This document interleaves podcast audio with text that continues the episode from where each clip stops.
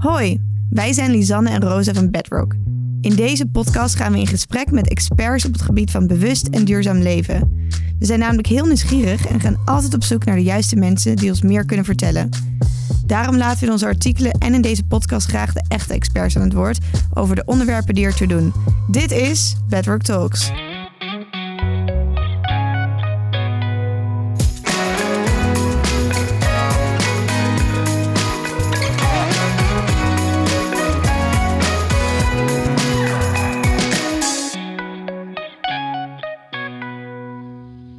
Bedrock Talks gaan we in gesprek met een expert op een bepaald gebied om hem of haar het hemd van het lijf te vragen. Yes, en vandaag trappen we deze serie af met een gesprek over de quarterlife crisis. Want man, man, man hebben het allemaal niet echt super druk vandaag de dag. Voor mij voelt dat in ieder geval wel zo. Ik moet werken, ik moet daar ook goed in zijn. Ik moet naast mijn werk leuke dingen doen. Ik moet ook genoeg sporten. Ik moet naast het sporten mindful bezig zijn. Ik moet er goed uitzien. Ik moet ook genoeg slapen, want dat is goed voor me. Gezond eten. Nou, ik heb nogal honderd dingen die ik ook moet van mezelf. Roos, moet jij ook zoveel van jou? Nou, ik dacht altijd dat ik nooit heel erg streng voor mezelf was en goed voor mezelf zorgde, genoeg zelfliefde. Maar als ik er zo even over nadenk, heb, denk ik eigenlijk wel dat ik best wel streng voor mezelf ben. En ehm, ja, dat ik wel zeg van ik hoef niet overal de beste in te zijn, maar dat je stiekem toch eigenlijk wel heel graag altijd je best wil doen. Of heel erg bang bent dat het dan niet goed genoeg is. Of dat je, ja, ondanks dat ik het gevoel heb dat ik er heel relaxed over heel veel dingen ben, heb ik altijd wel een soort streng stemmetje in mijn achterhoofd. Ja, er is altijd iemand die toch een, ergens naar wijst. Van, Ja. hey, het kan beter, je moet meer. Ja, Ja, Zeker. lastig is dat. Nou, om die reden praten we vandaag ook met een gelukspsycholoog, Josje. En tot voor kort wisten wij eigenlijk niets van dit beroep af. Josje, is dat iets van nu, zo'n gelukspsycholoog? Want ik heb de indruk dat we de laatste jaren veel meer met dat onderwerp bezig zijn. Is dat zo? Het antwoord is eigenlijk nee. Alleen, we hebben er nu gewoon een hele leuk naampje aan gegeven. Ehm, als je nagaat, eh, de oude Grieken bijvoorbeeld, die waren al heel erg bezig met, goh, wat is de zin van het leven? Ehm, hoe, kunnen we groeien? Hoe kunnen we onszelf ontwikkelen? De oude Egyptenaren waren al mee bezig. Eh, en denk maar aan Indonesië, daar waren ze al heel lang met meditatie en boeddhisme, et cetera, et cetera bezig. Alleen, tegenwoordig plakken we daar de term geluk aan. Zoals dat eh, misschien eh, 50 jaar geleden was bijvoorbeeld religie, dat mensen naar de kerk gingen, dat ze daar hun zingeving eh, uithaalden, dat ze denken van yes, het leven heeft zin, ik doe het ergens voor. Eh, mensen dachten toen nog van ja, ik doe het voor God en ik moet eh, dienstbaar leven. En tegenwoordig is dat er niet meer. Wij geloven allemaal niet meer heel erg in een God, dus moeten we ergens anders onze zingeving vandaan halen. En dat is dan nu het gelukkig zijn. Zo noemen we het nu. Maar ik vind het niet meer of niet minder dan bijvoorbeeld eh, zoals we vroeger eh, gingen filosoferen over een leven. en als ik terugkijk naar iets korter vroeger, dus bijvoorbeeld laten we zeggen 50 jaar geleden. Ja? Ehm, ja, toen waren de oude Grieken allemaal eh, natuurlijk er ook al niet meer. Mhm. Maar toch heb ik wel het gevoel dat ja, deze generatie, de millennials, daar wel meer mee bezig is dan misschien de generatie van onze ouders. Precies. Ehm, ik denk dat onze ouders er heus wel mee bezig waren, maar meer op lokaal niveau. Weet je wel, je, verder dan het plaatselijke dorpje en de plaatselijke kroeg kwam je gewoon niet. Je wist alleen maar wat gebeurde in de directe omgeving om je heen. Natuurlijk gingen die mensen ook op vakantie en dan zagen ze ook wel eens wat. Alleen zoals dat nu gebeurt, via onze smartphones, dat we echt via internet toegang hebben tot de rest van de wereld. En we al van jongs af aan kunnen zien wat er allemaal is, waar de keuzes allemaal liggen. Daarom denken we nu opeens heel anders en verder dan die plaatselijke kroeg. En denken we, shit, er zijn heel veel mogelijkheden. Misschien moet ik wel een van die mogelijkheden pakken in plaats van hier maar eh, mijn aardappels te verkopen. Weet ik veel. Maar de zoektocht is er eigenlijk altijd al geweest. Dat denk ik wel. Interessant, interessant. Ja. Nou, Ja, want Josje, jij, jij bent dan dus gelukspsycholoog. En dat is een Mhm. naam die we er nu aan hebben gegeven. Wat nu op deze manier zo speelt. Maar wat, wat doe je dan precies als je gelukspsycholoog bent? Ehm, ik ben ooit mijn carrière begonnen als klinisch psycholoog. Dat is de psycholoog die jullie kennen. Je gaat op een bedje liggen en je vertelt al je problemen aan mij. En dan zeg ik, oh wat erg voor je. Dat is het eigenlijk zoals je het kent. Ehm, maar sinds 2000 is de positieve psychologie gekomen. En die denkt dus eigenlijk anders. Dus in plaats van dat we denken van, oké, iemand heeft problemen, iemand is ziek, we gaan hem helpen. Denken we, hoe, kunnen we er nou eh, voor zorgen dat we die ziekte of dat gestrest zijn, dat we dat voorkomen. Dus die zitten veel meer in die preventiehoek. Dus die zitten veel meer vooraan in de schakel. Dus de positieve psychologie probeert om met positief denken en een positieve mindset op een andere manier door het leven te gaan, zodat je uiteindelijk niet ziek wordt en geen uh, uh, geestesproblemen krijgt, om het zomaar uh, zachtjes uit te drukken. Heel interessant. Ja. Dat doet me eigenlijk bijna denken aan de Oosterse geneeswijze, waarin ze daar natuurlijk ook heel veel mee bezig zijn. Mm -hmm, absoluut. Terwijl het Westerse, de geneeswijze, zijn een stuk vaak bezig met, um, ja, er is iets mis en dan ga je daar aan werken. Even shit fixen, om het, Ja. zo, ja, om het zo maar te zeggen. Quick fixes. Ja, en Ja. eh, nu eh, proberen mensen veel eerder, omdat ze gewoon zien dat het meer en meer wordt, dat mensen gestrest raken. Nu opeens is het een groter probleem. En dat gaat ook geld kosten voor zowel bedrijven, maar ook de maatschappij. Dus nu gaan mensen denken van, hmm, misschien moeten we wel eerder iets doen. Ja. En zo zijn we dus gekomen bij de positieve psychologie. En eigenlijk gaat het alleen maar om het thema gelukkig zijn. Wat maakt jou nou gelukkig? Vandaar dat ik daar de term gelukspsychologie zelf van gemaakt heb. Ja? ja. Ja, Ja. ik wilde zeggen, wij hadden er eigenlijk tot voor kort nog nooit van gehoord. Nee, nee, klopt. Het is ook helemaal fresh en nieuw. Het eh, concept geluk natuurlijk niet. Alleen als ik dan denk wat ik een hele dag doe. Ik ben een hele dag, eh, als ik bij bedrijven kom bijvoorbeeld... en eh, met eh, jonge mensen praat die ergens werken... en die problemen hebben met pri- werk-privébalans... die zijn eigenlijk bezig met hun eigen geluk. Dus als ik lesgeef aan de Universiteit van Maastricht... daar hebben we heel veel over het onderwerp geluk. En dat vond ik zo interessant. Dus daar ben ik heel erg mee gaan verdiepen, inlezen... met mensen praten, onderzoeken, scannen. En toen dacht ik van ja, wat, wat, wat je eigenlijk doet... is dat je heel specifiek in een niche zit... in de niche van geluk. Dus vandaar dat we de gelukspsychologie van gemaakt hebben. ja. Want Ja. Is, is dan eigenlijk, ben je in de psychologie niet altijd op zoek naar geluk? Eigenlijk natuurlijk wel. Ja. Alleen nogmaals, eh, nu proberen we het eerder te doen... voordat er iets mis is. Ja, En voor iedereen. ja, Niet alleen voor de mensen met wie het minder goed gaat. ja. En ben jij dan zelf gelukkig als ps- gelukspsycholoog? Zeker wel. ik ben heel gelukkig. eh, maar eh, ja, net als ieder ander, dat, dat wisselt wel echt van dag tot dag. Als Ja. ik heel eerlijk ben, ik ben ook een vrouw, dus het wisselt ook nog wel eens één keer per maand, om het zo maar ja, te zeggen. herkenbaar. Ja, dus, eh, maar over het algemeen denk ik dat ik heel tevreden en gelukkig ben met mijn leven. Wat is je ultieme hack? Ehm, voor mij is het sporten. Sport? Iedere dag een Echt? uurtje hardlopen. Ja, Elke dag, zeven Elke dagen per dag. week. yes. Dat noem ik dedication. Dat noem ik gewoonte en verslaving. Ja, nee, dat is waar. Dat moeten we er allemaal misschien van maken. Ja. En dat is dan wel interessant, want een verslaving kan dan natuurlijk ook misschien weer doorslaan in dat het ergens, dat het ook weer als een druk voelt. Daar heb je helemaal gelijk een- in. Want het mooie is, ehm, vrienden van mij die zeiden laatst, want er is weer een, eh, ik kom dan naar Maastricht en daar is weer binnenkort een, eh, op tweede paasdag een wedstrijd. Josje, waarom loop je nooit een wedstrijd mee? Want je loopt zo goed en zo hard en zoveel. Dan wordt het een moeten voor mij. Ja, Op het moment dat ik moet gaan presteren, dan weet ik dat ik harder ga lopen. En dan ga ik mezelf doelen stellen, maar doelen die misschien niet zo heel realistisch meer zijn. En dan geniet ik er niet meer van. Nu loop ik alleen maar om mijn hoofd leeg te maken en om even mijn dag alvast door te nemen van wat gaat allemaal gebeuren, wat moet ik doen. Ja. En dan is het fijn. ja. Het moet fijn Endorfines. blijven. Ja, Mhm. endorfines. Ja. Leuk. Leuk. Hey, wij hebben voor jou een eh, mini-quiz bedacht. Leuk. het wordt een soort dilemma op dinsdag ehm, concept. Ehm, dus wat wij willen doen is een, een aantal dilemma's voorleggen... waarvan we denken dat meer mensen zich afvragen... of dat nou goed of fout is. Ehm, nou, en wat we van jou willen vragen is of je eigenlijk zo snel mogelijk antwoord wil geven. Mhm. We zijn heel erg benieuwd. Wat maakt jou het allergelukkigst? Liever alleen in de natuur... of omringd door geliefden, maar in een drukke stad? Yes, dat is meteen een lastige. Snel, ik zou, ja, omringd door de geliefde in een, in een drukke stad. Maar ik weet dat dat niet klopt. Oké. We, gaan, we, we hebben zo tijd om er eh, verder op in te gaan. Ja. Liever een goed betaalde baan, maar niet genoeg voldoening. Of een geweldige baan, maar met een hongerloontje. Geweldige baan met een hongerloontje. Liever forever happy single. Of een partner die de verkeerde blijkt te zijn. Forever happy single. Liever een digital nomad bestaan of een vaste basis. Drie. Vaste basis. Goed zo. Oké, nou dat is interessant. Ik, ik vind nu al denk ik van, oké, je kiest voor het een, maar je roept meteen al, ik weet dat het ander het beste is. Wat gaat hier mis? Nou, ik ben zelf iemand die heel erg leeft van uitdaging. En ik denk dat heel veel mensen, die hebben gewoon groei nodig. eh, uitdaging, prikkeling, spanning. En dat had ik zelf vandaag ook. Ik kwam naar de trein, yes, ik mag weer naar Amsterdam, de grote stadje.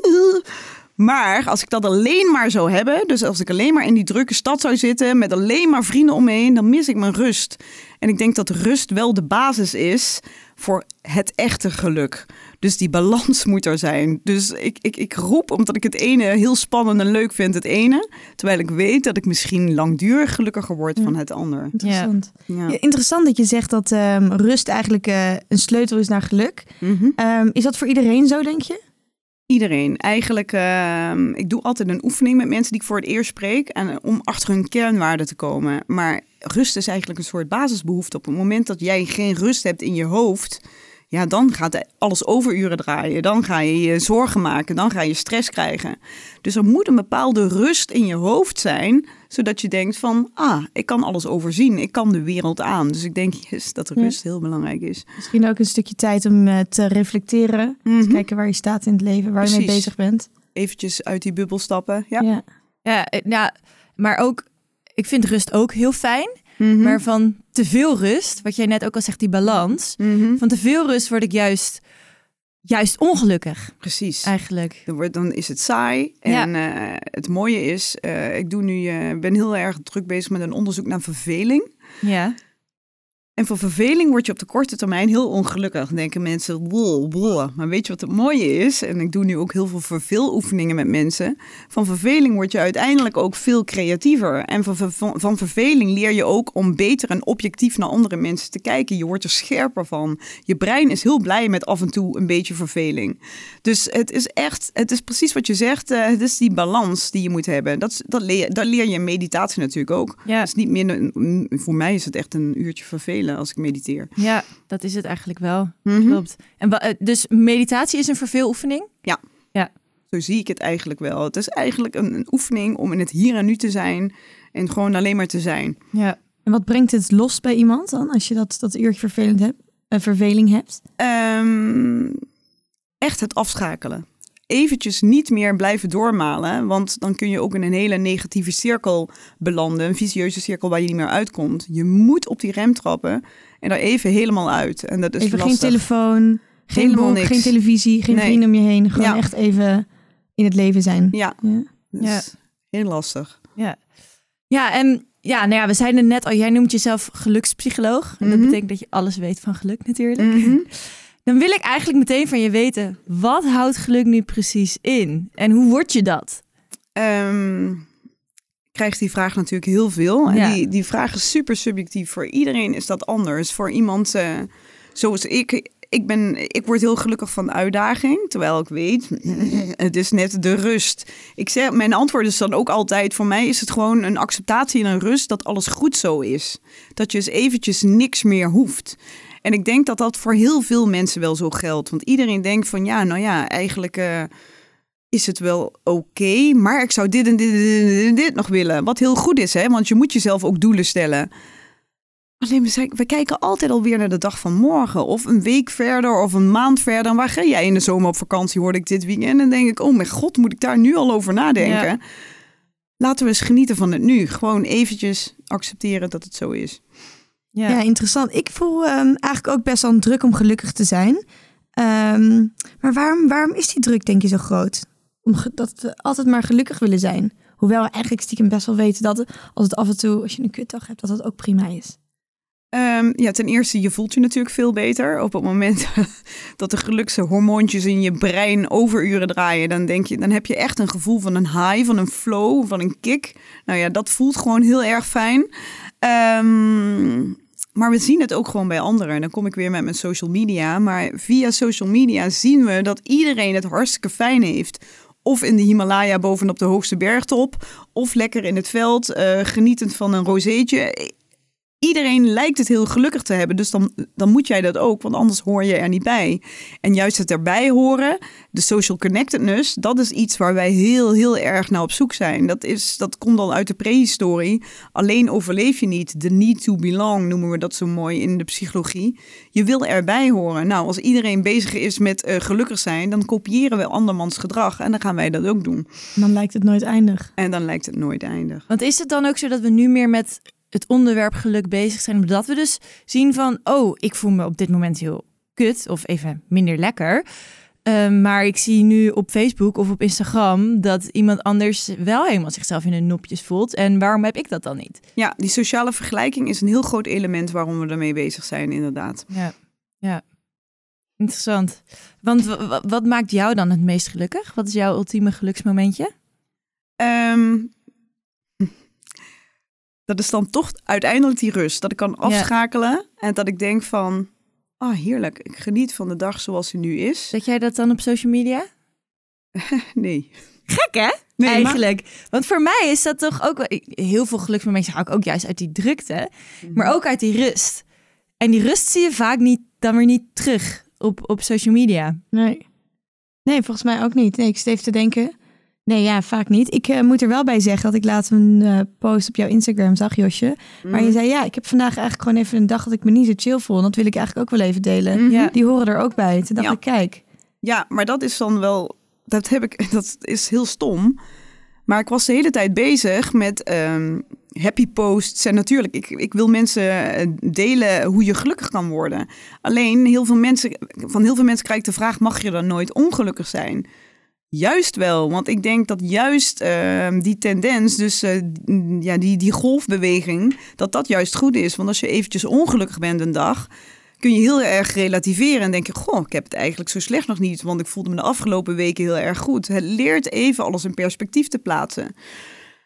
Dus ik wilde daarmee vooral ook laten zien van, goh, het is eigenlijk juist heel goed als je je even shit voelt. Want dan weet je ook weer van, hé, hey, wacht even. Blijkbaar zijn er een aantal puntjes niet goed in mijn leven. Wat Ja. moet ik dan gaan aanpakken? Ja, Waar moet ik aan werken? ja. Ja, en ja, dat probeerde ik te delen. En dat probeerde ik mezelf ook te leren. En nog steeds heb ik niet alles helemaal goed op de rit. Nee, maar, eh, wie wel? Ja, wie wel? Ja, ik, ik denk ook dat je, je moet je ook ongelukkig voelen om te kunnen voelen wat geluk is. Dat contrast is natuurlijk ook Zeker. dan van belang, gok ik. Ja, maar precies wat jij zegt van rust zet je eigenlijk niet op social media. Nee.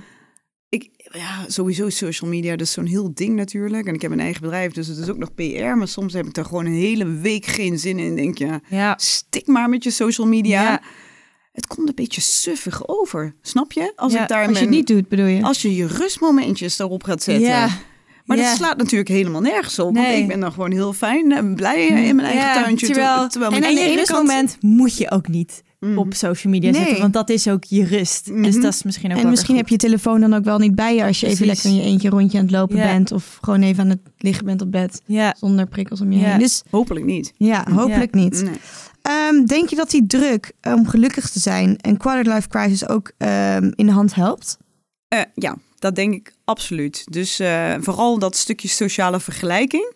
Dat is killing voor de millennials op dit moment. Eh, eh, dat was in mijn tijd niet. Nee. Nee. Nee. En ja, inhakend op die quarterlife crisis, waar we natuurlijk uitgebreid met jou over willen hebben. Mhm. Ik vind dit een lastig begrip. Wat, wat is precies nou een quarterlife crisis? Kan ik het vergelijken met een midlife crisis, maar gewoon ietsje eerder in je leven? Of, en bestond dit al? Is Ja. dit ook iets nieuws eigenlijk? Dit is helemaal nieuw. ja, Eh, toch? het Ik is- heb mijn ouders nog nooit het woord quarterlife, midlife crisis kwam er nou wel in voor. Je weet wel, een brommer, een motor kopen, whatever. Ja, Dat hebben we het uitgevonden. ja, ja Mhm. dit hebben wij uitgevonden, denk ik. Ja, maar de midlife crisis, dat is eigenlijk inderdaad precies hetzelfde. Dan zit je halverwege je leven. Dat was het moment dat mensen terug gingen kijken van... Goh, wat heb ik nu eigenlijk al bereikt? Wat heb ik allemaal gedaan? Omdat we geen sociale vergelijking hadden via social media... dan had je gewoon de tijd nodig. De tijd moest verstrijken en dan konden we terugkijken. En dan kon je ook aan je buurman vragen... wat heb jij dan allemaal gedaan? Nu kunnen we dat veel eerder zien. Dus die, die, die shit, om het zo maar te zeggen, die komt veel eerder naar boven. Van dat je denkt van, oh mijn god, ik had daar en daar al. Want eh dat meisje naast wie ik op, de, eh, op school in, de, in het bankje zat... die blijkt het helemaal gemaakt te hebben in New York. En ik zit hier in mijn suffe dorpje met weet ik veel wat voor baan. Dat is het probleem. Het vergelijken is veel eerder gekomen. Ja. En je kunt ook nog eens veel meer zien. En dat maakt die druk veel hoger, waardoor mensen eerder burn-out gestrest raken in Ja. het leven. Ja. Ja. ik herken het wel. Want ik, ik vraag me ook, doordat ik veel van anderen zie, ook constant af van, oké, die is dit aan het doen, maar ik niet. Haal ik wel alles uit mijn leven? Er is zoveel mogelijk op dit moment. Ik, ik zit nu hier te werken, maar iemand anders aan het reizen. Ik wil dat ook nog doen. Eh, ik ben al 26. Wanneer moet ik dit erin proppen? Een beetje dat idee. Ja, Ja, ja dat is ongelooflijk. Eh, ik, ik vind dat... Ik denk altijd dat ik eh, van alles wil, maar als ik dan inderdaad naar jullie generatie kijk en dan echt de late twintigers, begin dertigers, wat daar nog allemaal op die bucketlist staat, ja, die staat er bij mij ook op. Alleen ik denk, je hebt nog een heel leven. Ja. Maar op een of andere manier willen jullie er allemaal een tien jaar tijd proppen. ja. En maar go, en Ja. maar door. Ja. En wat adviseer je dan eh, mensen die last hebben van zo'n quarter-life crisis? Lisanne zegt net, er zijn zoveel opties. Ik wil nog reizen, ik wil nog hierheen. Ik wil nou, zoveel dingen die je kan doen. Wat adviseer je iemand die zich al die dingen afvraagt en zo'n hele lange bucketlist heeft? Eh, ten eerste, ja, heel cru stoppen met sociaal vergelijken. En dat kun je op verschillende manieren doen. Je kan of je Insta checken en denken, nou ja, whatever, het zij zo. En als je dat niet lukt, ja, dan kijk er maar eens even een aantal weken niet naar. Dus naar, Naar? je social media. Ja. We gaan dan denk je alle verlangens om nog een keer een wereldreis te maken of om nog een keer een ander soort baan te doen, die gaan dan denk ik niet weg, toch? Als je Nee, die gaan niet weg. Maar je kan het dan wel eh, duidelijker je eigen plan maken. Je eigen pad uitstippelen. Want dat is de essentie uiteindelijk natuurlijk. Dat is de essentie. Dat je het Ja. gewoon op je eigen tempo doet. En wanneer het leven van jou daarom vraagt. En niet omdat je nu ziet dat eh, meneer X dat het doen is. Dat je denkt, shit, jump, ik ga dat ook doen. Ik ga gewoon een kut zetten in mijn leven. Ik zeg mijn baan op, ik pak mijn backpack en gaan. En dat zie ik heel veel gebeuren. Terwijl er niet goed over nagedacht is. Dat zou je misschien helemaal niet gedaan hebben als je al die vrienden op Instagram dat niet zag doen. Ja.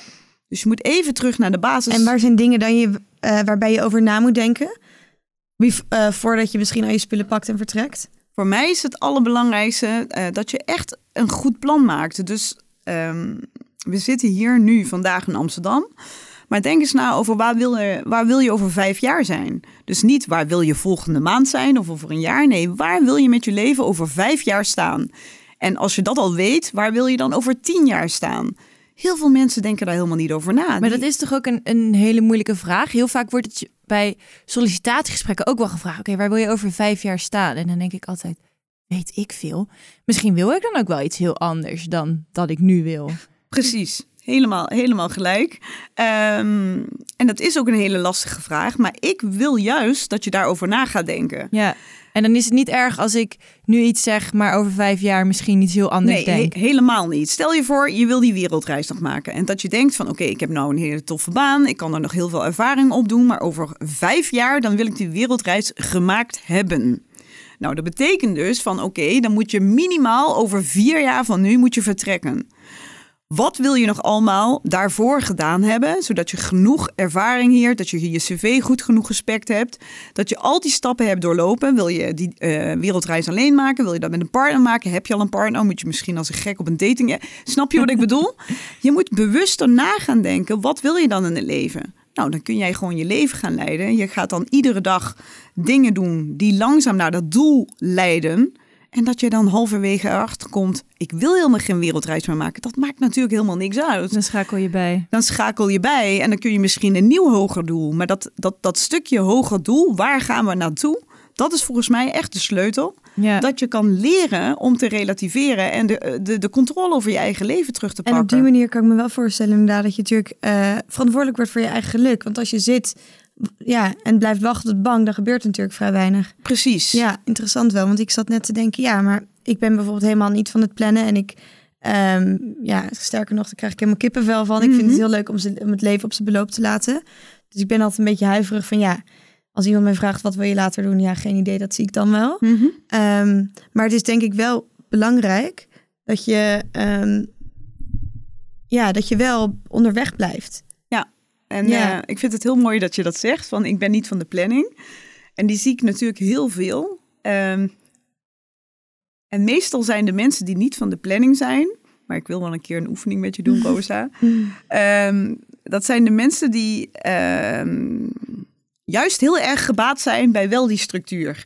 En dat je dus wel een keer leert van, oké, wat nu als ik wel eens een keer een aantal dingen vastleg? En dat hoeft niet in, eh, in, in, in steen gehouden te zijn van, ik moet op die dag die wereldreis gaan maken. Kan, ook, kan natuurlijk wel een halfjaartje inzitten. Maar dat, dat gaat je heel erg veel rust geven als je weet van, als je iets meer een richting gaat bepalen. Ja. Want sommige mensen we- weten inderdaad waarschijnlijk helemaal niet wat ze überhaupt willen. Nee. Dus dan is het wel goed, denk ik, inderdaad, om daarover na te denken. eh, en jezelf ook te prikkelen van welke kant wil. Ja, precies. Ik heb, eh, een- ik heb, ik heb zo'n vriendin die al, al jaren roept, ik wil een wereldreis. Nou, uiteindelijk gaat ze het volgens mij nooit meer doen. Hm. Omdat ze zichzelf nooit ertoe gezet heeft van zo, en nu ga ik actie ondernemen. Nu, nu ga ik die camper kopen. Nee, dat Ja. bedoel ik. En daarom moet je erover na gaan denken. Is dat dan echt al wat je wil? Of is het een soort cover voor jezelf? Ja. Verschuil ik maar onder iets. Dus dit is het eerste wat jij vaak met, met millennials als je in een sessie zit, of whoever eigenlijk. Oké, wat, wat wil je over vijf jaar? Laten we dat eerst gaan bedenken. de controle terugpakken over je leven. Ja. Want op het moment dat je stress ervaart, dan heb je controleverlies. Op de een of andere manier heb je niet alles, alle touwtjes in handen. En dat is een Ja. vies woord, hè, controle. Mensen willen helemaal geen controle Nee. hebben. Denken. Spontaan. spontaan. En Ja. toch, natuurlijk, iedereen heeft behoefte aan bepaalde mate van controle. Want als je ook op je werk, als je niet alles, onder, eh, niet alles zelf mag bepalen, maar iemand van bovenaf zegt, ja, je doet dit vandaag en dat, dan vind je het helemaal niet meer leuk. Je wil een beetje zelfcontrole hebben van, goh, hoe ga ik mijn werkdag aanvliegen? Nou, dat geldt ook voor je leven. Je moet echt een beetje je leven onder controle gaan nemen. Ja. ja. En dat kan. Dus Dat kan, ja. ja. ja. welke invloed hebben wij zelf eigenlijk op geluk? Ehm, interessante vraag. Ehm, geluk is eigenlijk eh, voor 50% genetisch bepaald. Dus je wordt eigenlijk geboren met een soort base level of happiness. Stel je voor, eh, er zit heel veel depressies in je familie, je oma, je tante, je oom. Dan is de kans dat jij een depressie krijgt eigenlijk heel erg groot. Dat is dus je base level of happiness. Als je niks doet in je leven, dan zul je altijd terug naar, deze, naar deze, dit basisniveau gaan. Ehm 10% zit om omstandigheden. Dat is bijvoorbeeld dat je een hele toffe nieuwe auto... of je hebt een heel leuk jurkje gekocht of die relatie. En dat is maar heel weinig. Dus iedere keer als ik denk van... oh, ik moet toch eens naar Amsterdam verhuizen... dan denk ik in mijn achterhoofd... ja, maar Josje is maar 10%, dit is maar 10%. Ja. Dat doet maar heel weinig. en dat is ook maar heel kortdurend. Dus je bent Ja. misschien eh, een paar maanden blij met die verhuizing... of met die auto. En dan appt dat weer weg. En dan ga je weer terug naar je basisniveau. Hm. 40% zit tussen de oren. Dat is echt je mindset. Dat is datgene dat je kan eh, veranderen. Dus op het moment dat jij positiever leert denken, op het moment dat jij eh, mindful leert denken, dat soort zaken, dat kun je echt doen door daarin te trainen. Eigenlijk zijn je hersenen een soort van een spier, zo zeg ik het altijd. Op het moment dat je hem traint, dus als je ook leert om positief te denken en eh, te kijken naar het leven, dan ga je ook echt neurale paden ontwikkelen die eh, positiever zijn. Stel je voor, je opent eh, nu.nl en dan zie je dus allemaal van die nare berichten voorbij komen over natuurrampen, over shootings en whatever. Dat is niet voor niks, want wij zijn heel erg gefocust op negativiteit bij mensen. We worden daardoor toe aangetrokken. Vroeger was het zo, als je voor een grotje zat eh, je, je varkentje te roosteren... en er kwam een, eh, een, een kudde beren op je af, moest je alert zijn. Want dat is negatief. Denk je, shit, help, wat nu? We zijn niet zo gefocust op positiviteit. Dat hebben we niet geleerd. Dus die neurale paden zijn niet zo goed ontwikkeld als de negatieve paden in de hersenen. Dat is hetgene dat je kan leren. Dat is die 40%. Dus je kan dus leren om positief te denken, maar ook om controle te, eh, te mm, pakken over datgene wat in je gedachten gebeurt. En dat is dus eigenlijk hetgene wat je zelf kan bepalen. Dus je kan eigenlijk je geluk zelf bepalen. En hoe leer je dat? dat? Daar ben ik dan wel benieuwd naar. Hoe leer je, hoe leer je positief denken? Ik, ik heb het redelijk van mezelf, gelukkig. Mhm. Maar als je dat dus niet bent... Ja, en, en als je dat dus niet bent, hoe, leer je dat dan? Wat is een oefening? Ik eh, geef regelmatig happiness workshops. En dat doe ik bijvoorbeeld een hele eh, belangrijke is een dankbaarheid oefening. Oh, dat je eigenlijk iedere dag eens nadenkt waarvoor ben je dankbaar in het leven. En heel veel mensen gaan dan heel moeilijk denken. Maar ik wil eigenlijk dat je dan eh, eigenlijk binnen vijf seconden, zoals jullie met mij die mini-quiz deden, takken. Dat je kan zeggen van, dit is een ding waar ik dankbaar voor ben. Dan wil ik ook niet dat je maar aan één ding denkt. Ik wil dat je daarna nog aan een tweede en een derde ding denkt. Dat kan langer geleden zijn of dat kan meer recent zijn.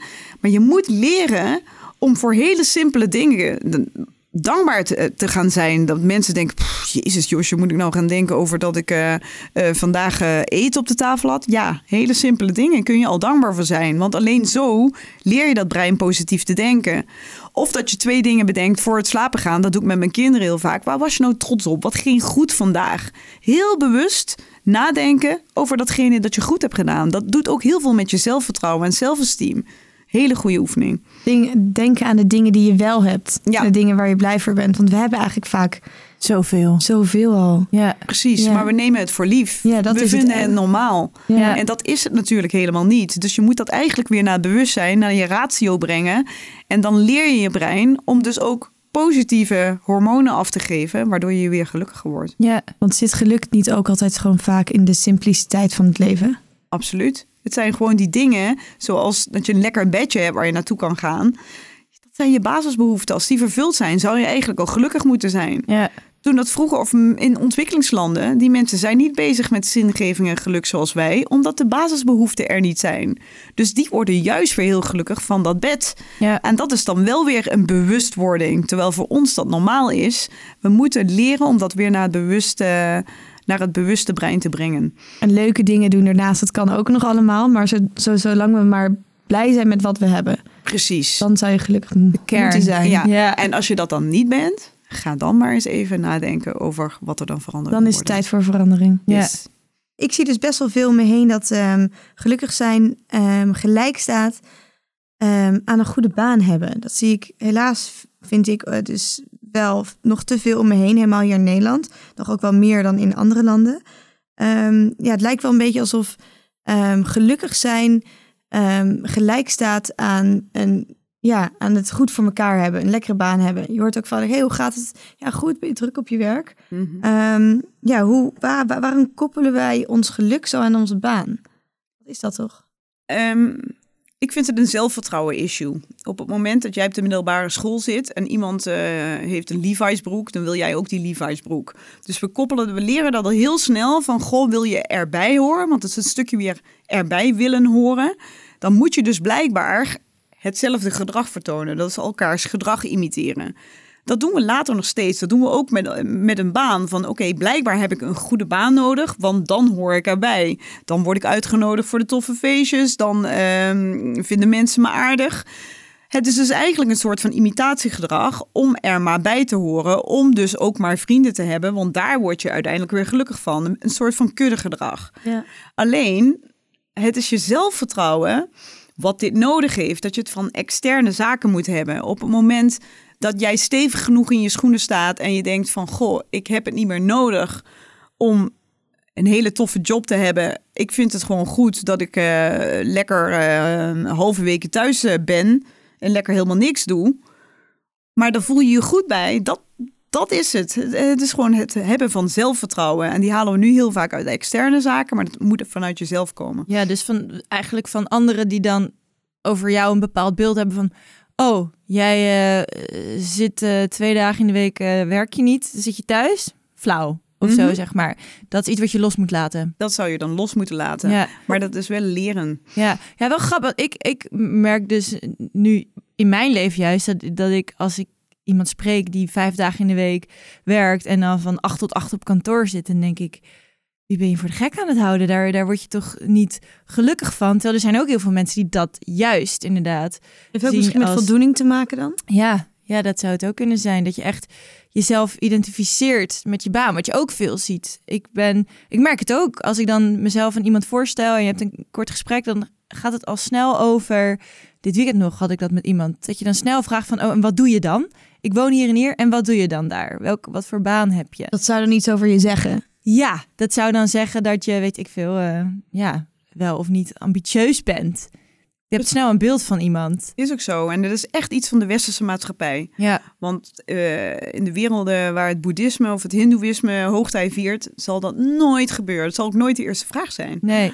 Dus ja, dat is inderdaad iets van de need to belong. Daar komt hij weer. Je wil erbij horen. Ja. Nou, blijkbaar is status daarbij belangrijk. Ja, Waarbij die man die eh, van 8 tot 8 werkt, eh, zeven dagen per week. Ja, die mensen die hebben dan ook meer uitdaging nodig. Dus ook nog Ja. heel individueel bepalend. Ja, ja, want hij kan daar misschien ook gewoon gelukkig bij zijn. Zoveel, ik, ik, het zou mij niet trekken, maar dat, Nee, dat is ook mogelijk, toch? absoluut. is 100% mogelijk. Ja, Maar mijn vraag zou dan altijd zijn als iemand dat zegt van ja, oké. maar vind je het dan ook leuk wat je doet? ja, Dat is, ja, dat, daarvan schrikken mensen heel vaak. Want eh, dit- ja, nee, ik doe dit, dus de stof. ja, Ja, is het wel zo tof? ja, En ja. ken je jezelf dan ook echt? Of ben jij die persoon met dat beroep? En wie Mhm. ben je als dat beroep misschien er niet zou zijn? ja. Absoluut. Ja. Ja, en ik, ik merk zelf ook wel eens in mijn werk dat ik denk, ik, vind mijn baan hier geweldig. Ik doe Mhm. aan de ene kant alles wat ik leuk vind, maar ik heb ook nog taken die ik moet doen waarvan ik eigenlijk denk, nou, pff, liever niet. Mhm. Soms vraag ik me wel eens af, ja, bestaat de ideale baan wel?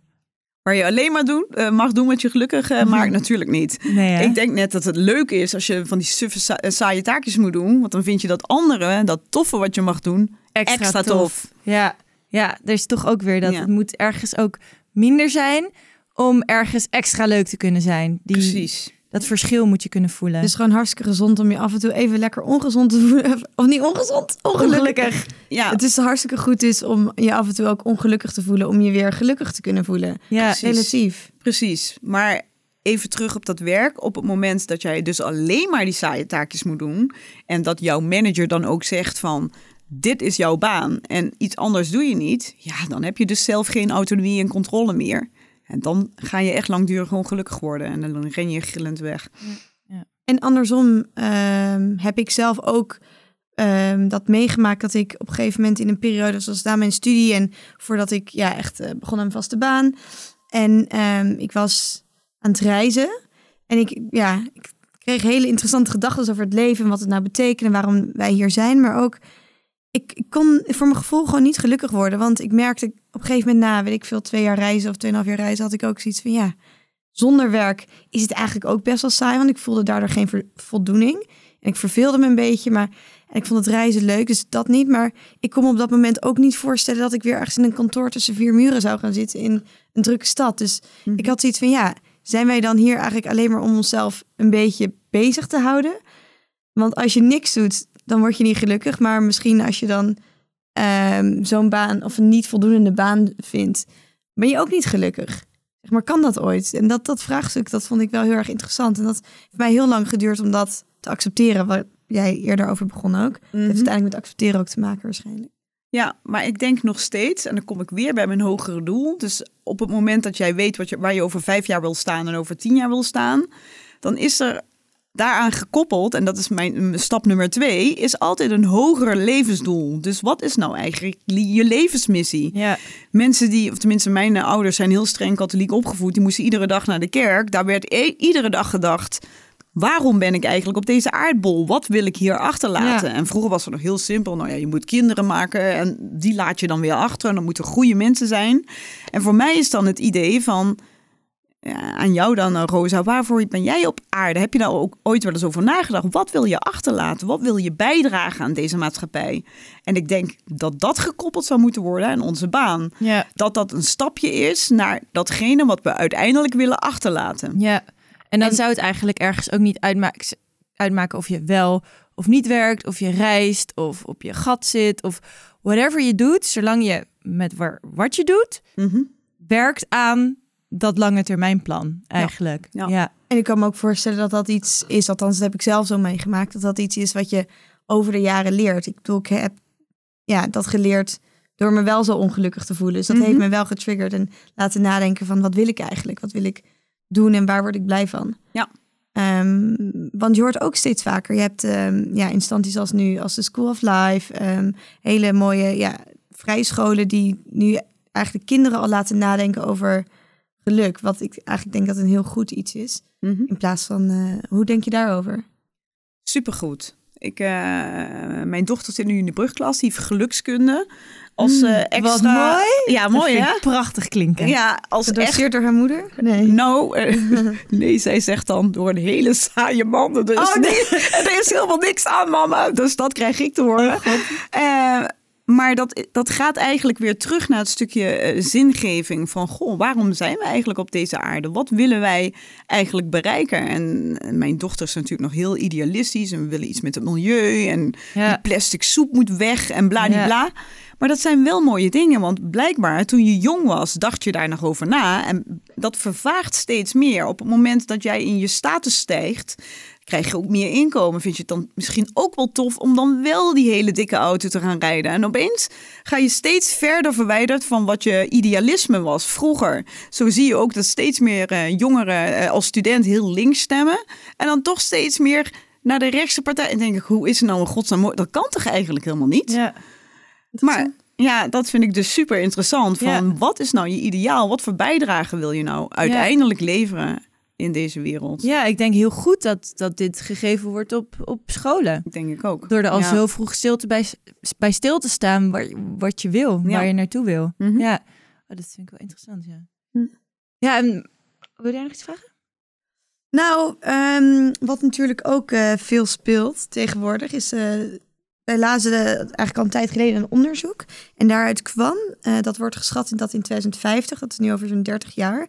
de helft van de Nederlanders single is. Mhm. Dus dat is wel, ja, natuurlijk heel anders waar vroeger, ja, weet ik veel, je had kinderen voor je 25ste, je trouwde, huisje, boompje, beestje.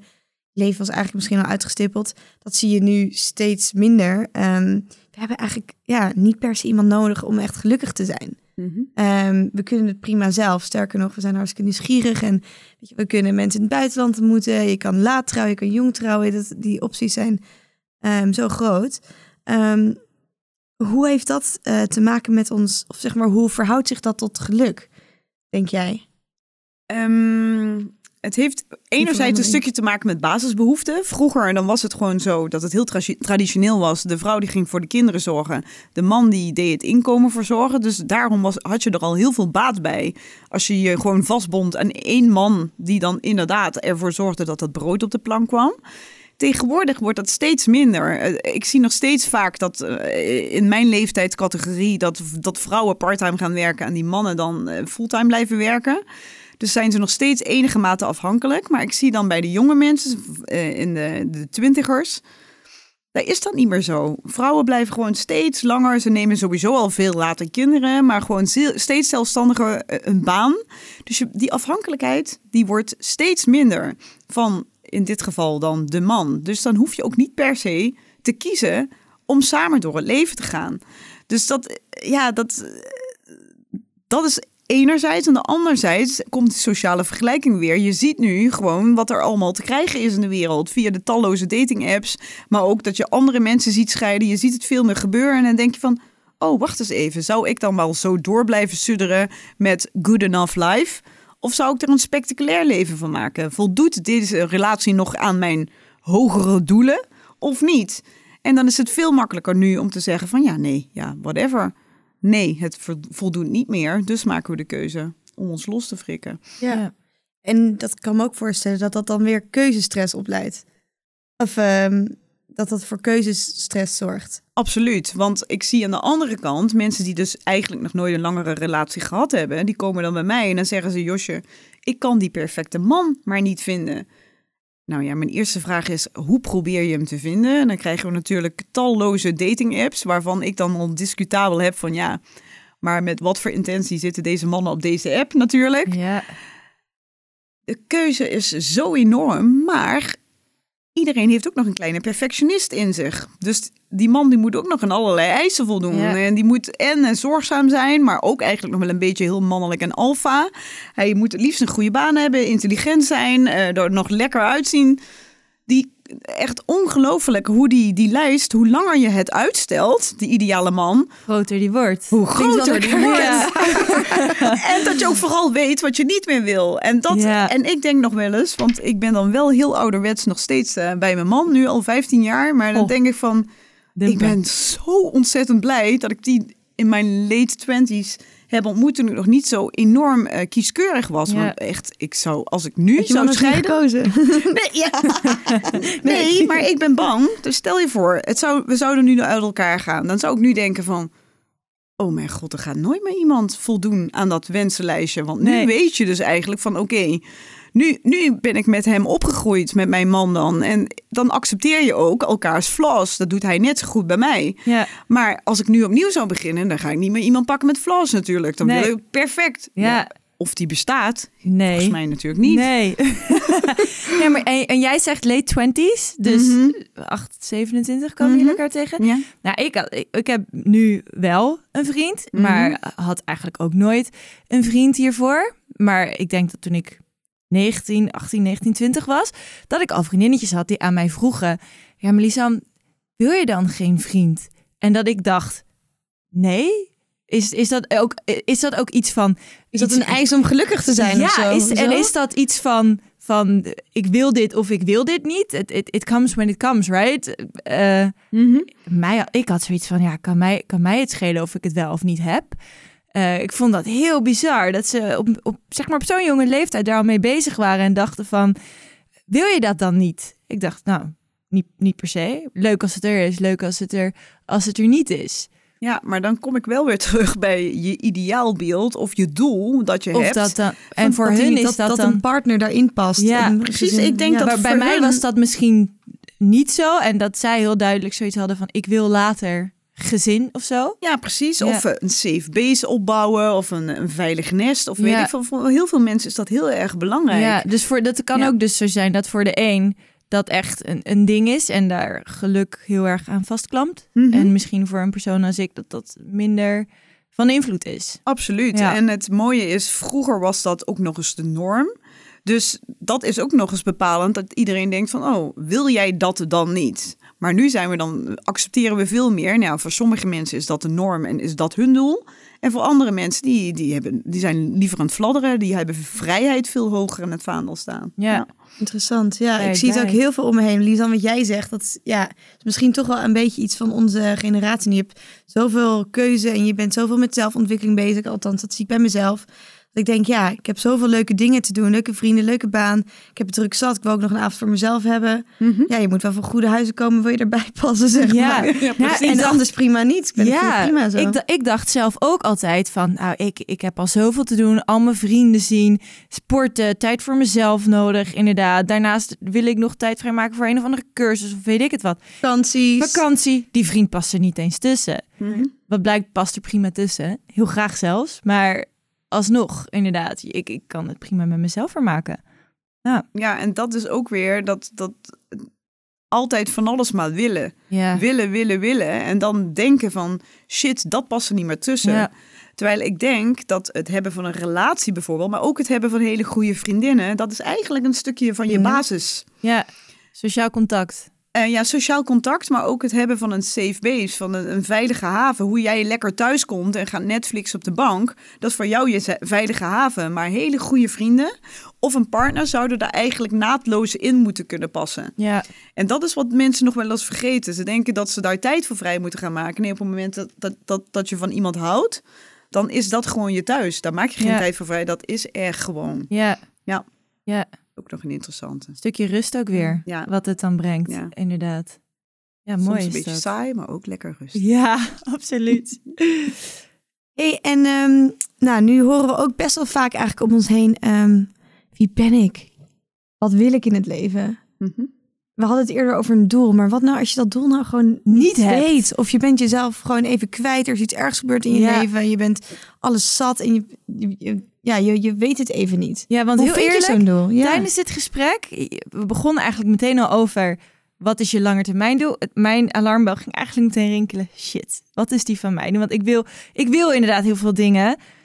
Ik weet het nu niet. Zeg maar, ik heb nu geen eenduidig antwoord van hier wil ik staan over vijf jaar. Maar ja, maar wat is wel interessant wat jij zei, is je wilt een paar dingen gedaan hebben over die vijf jaar. Wat Ja. je precies wilt doen, daar draait het Ja. dan dus niet om, zei jij. Mhm. Maar in elk geval, wat wil je gedaan hebben? En als dat onderweg verandert, dan, dan maakt dat natuurlijk helemaal niet uit. Maar dan ben je in elk geval wel bezig met zo'n doel. Maar wat nou als je dus dat helemaal niet weet? Wat Lisanne net zegt, van wat, wat adviseer je mensen dan? Van hoe, hoe kom je op zo'n spoor? Nou, je kunt er twee dingen doen. En de enerzijds denk ik dan van, oké, op het moment dat jij het helemaal niet weet, dan voel je je blijkbaar heel goed in je vel en ben je gewoon happy. Ja, Nou, dan denk ik, laat maar gaan. Voor mij is net de crux, met die quarterlife crisis ook in het, achter, eh, in het achterhoofd. Wat nu als je je niet meer zo lekker voelt? Ja, dan is er blijkbaar iets aan de hand. Dus je, En het niet weet. Ja. en het niet weet. Want dan denk ik van, oké, je bent nu maar gewoon je leven aan het leiden. Je staat iedere dag maar op, je gaat maar naar je werk, je gaat maar naar je sport, maar je bent toch niet happy. Ja, dan mist er blijkbaar iets. Ja. En dan wil ik dat je jezelf bewust gaat maken van, oké, dan ga ik heel bewust kijken van je werk. Hoe lang zou je nog op deze plek willen werken? Oh mijn god, denken mensen dan, geen idee. Nee, maar Is dan- er iets anders Ja. misschien ook? Kan Ja. ik wel een andere baan ja, krijgen? precies. En dan gaan we dus, nou ja, voor sommige mensen denken van, oh god, daar heb ik nooit over nagedacht, inderdaad. En kan ik wel een andere baan? Nou, misschien moeten we wel een talentenprofiel gaan invullen van, Wat zijn je talenten? Wat zou je nog willen ontwikkelen? Misschien wil je wel gewoon een cursus doen. En door mensen echt te forceren, soms door heel makkelijke invuloefeningen te laten invullen, zien ze zwart op wit van waar zijn we goed in? Wat zijn mijn verbeterpunten? En, en wat kan ik nog? Wat zijn mijn... Oh, blijkbaar kan ik dit nog ontwikkelen. Oh, leuk. Oh ja, dat heb ik eigenlijk altijd. En dan komen opeens... Ik wil gewoon eigenlijk dat je ratio erover na gaat denken. Dat je dat gewoon een beetje je brein in, in, in de actiestand zet. En dan komt het vanzelf. Iedereen heeft onbewust diep van binnen in zich waar die heen wil. Alleen dat ligt niet aan het bewustzijn. En dat is de truc. Hoe krijgen we het naar het bewustzijn? Ja. Ehm, ik las eh, een tijdje geleden in, eh, een interview met Henry van Loon. Dat was in de Volkskrant. Ehm, acteur en eh, co- comedian. En hij zei, eh, hij vertelde over dat hij een tijdje een depressieve periode is door geweest. En hij zei, je kunt in het leven alleen maar je best doen. Lief zijn voor anderen en het leuk hebben. Meer niet. Is dat niet gewoon zo? Zeker. En ik denk, voor hem is dat de definitie van geluk. Lief zijn voor anderen en, eh, en het leuk hebben. Inderdaad. En is het leuk hebben, is dat niet waar je naar streeft? En is Ja. dat ook niet gewoon alle invloed die we uiteindelijk zelf hebben op ons geluk? Ja, Ja, dat denk ik ook. ja. Heel treffend, eigenlijk. Misschien moeten we het daar maar bij laten dan. Een mooie afsluiter. Dan ga ik hem ook meteen afsluiten. Dit was namelijk de eerste, de eerste aflevering van eh Bedrock Talks. Josje, we vonden het echt superleuk dat je bij ons wilde aanschrijven. Hartstikke bedankt eh, om met ons over dit actuele onderwerp te praten. Eh, en jullie natuurlijk bedankt voor het luisteren. Als je nog vragen hebt voor ons over geluk of voor Josje, kun je dat mailen naar ons op info@bedrock.nl. Ehm, en ook als er nog dingen zijn waar jij graag een expert over, eh, over wilt horen de volgende keer, laat dat ons gerust weten. Dan gaan wij op zoek naar iemand die eh, goed in het plaatje past en die wij de hem van het lijf kunnen vragen. En ehm, dit was het voor, eh, voor deze keer. Dankjewel voor het luisteren. Dankjewel Josje en dankjewel luisteraars. Yay. En veel geluk allemaal. En veel geluk. Doei. Doei.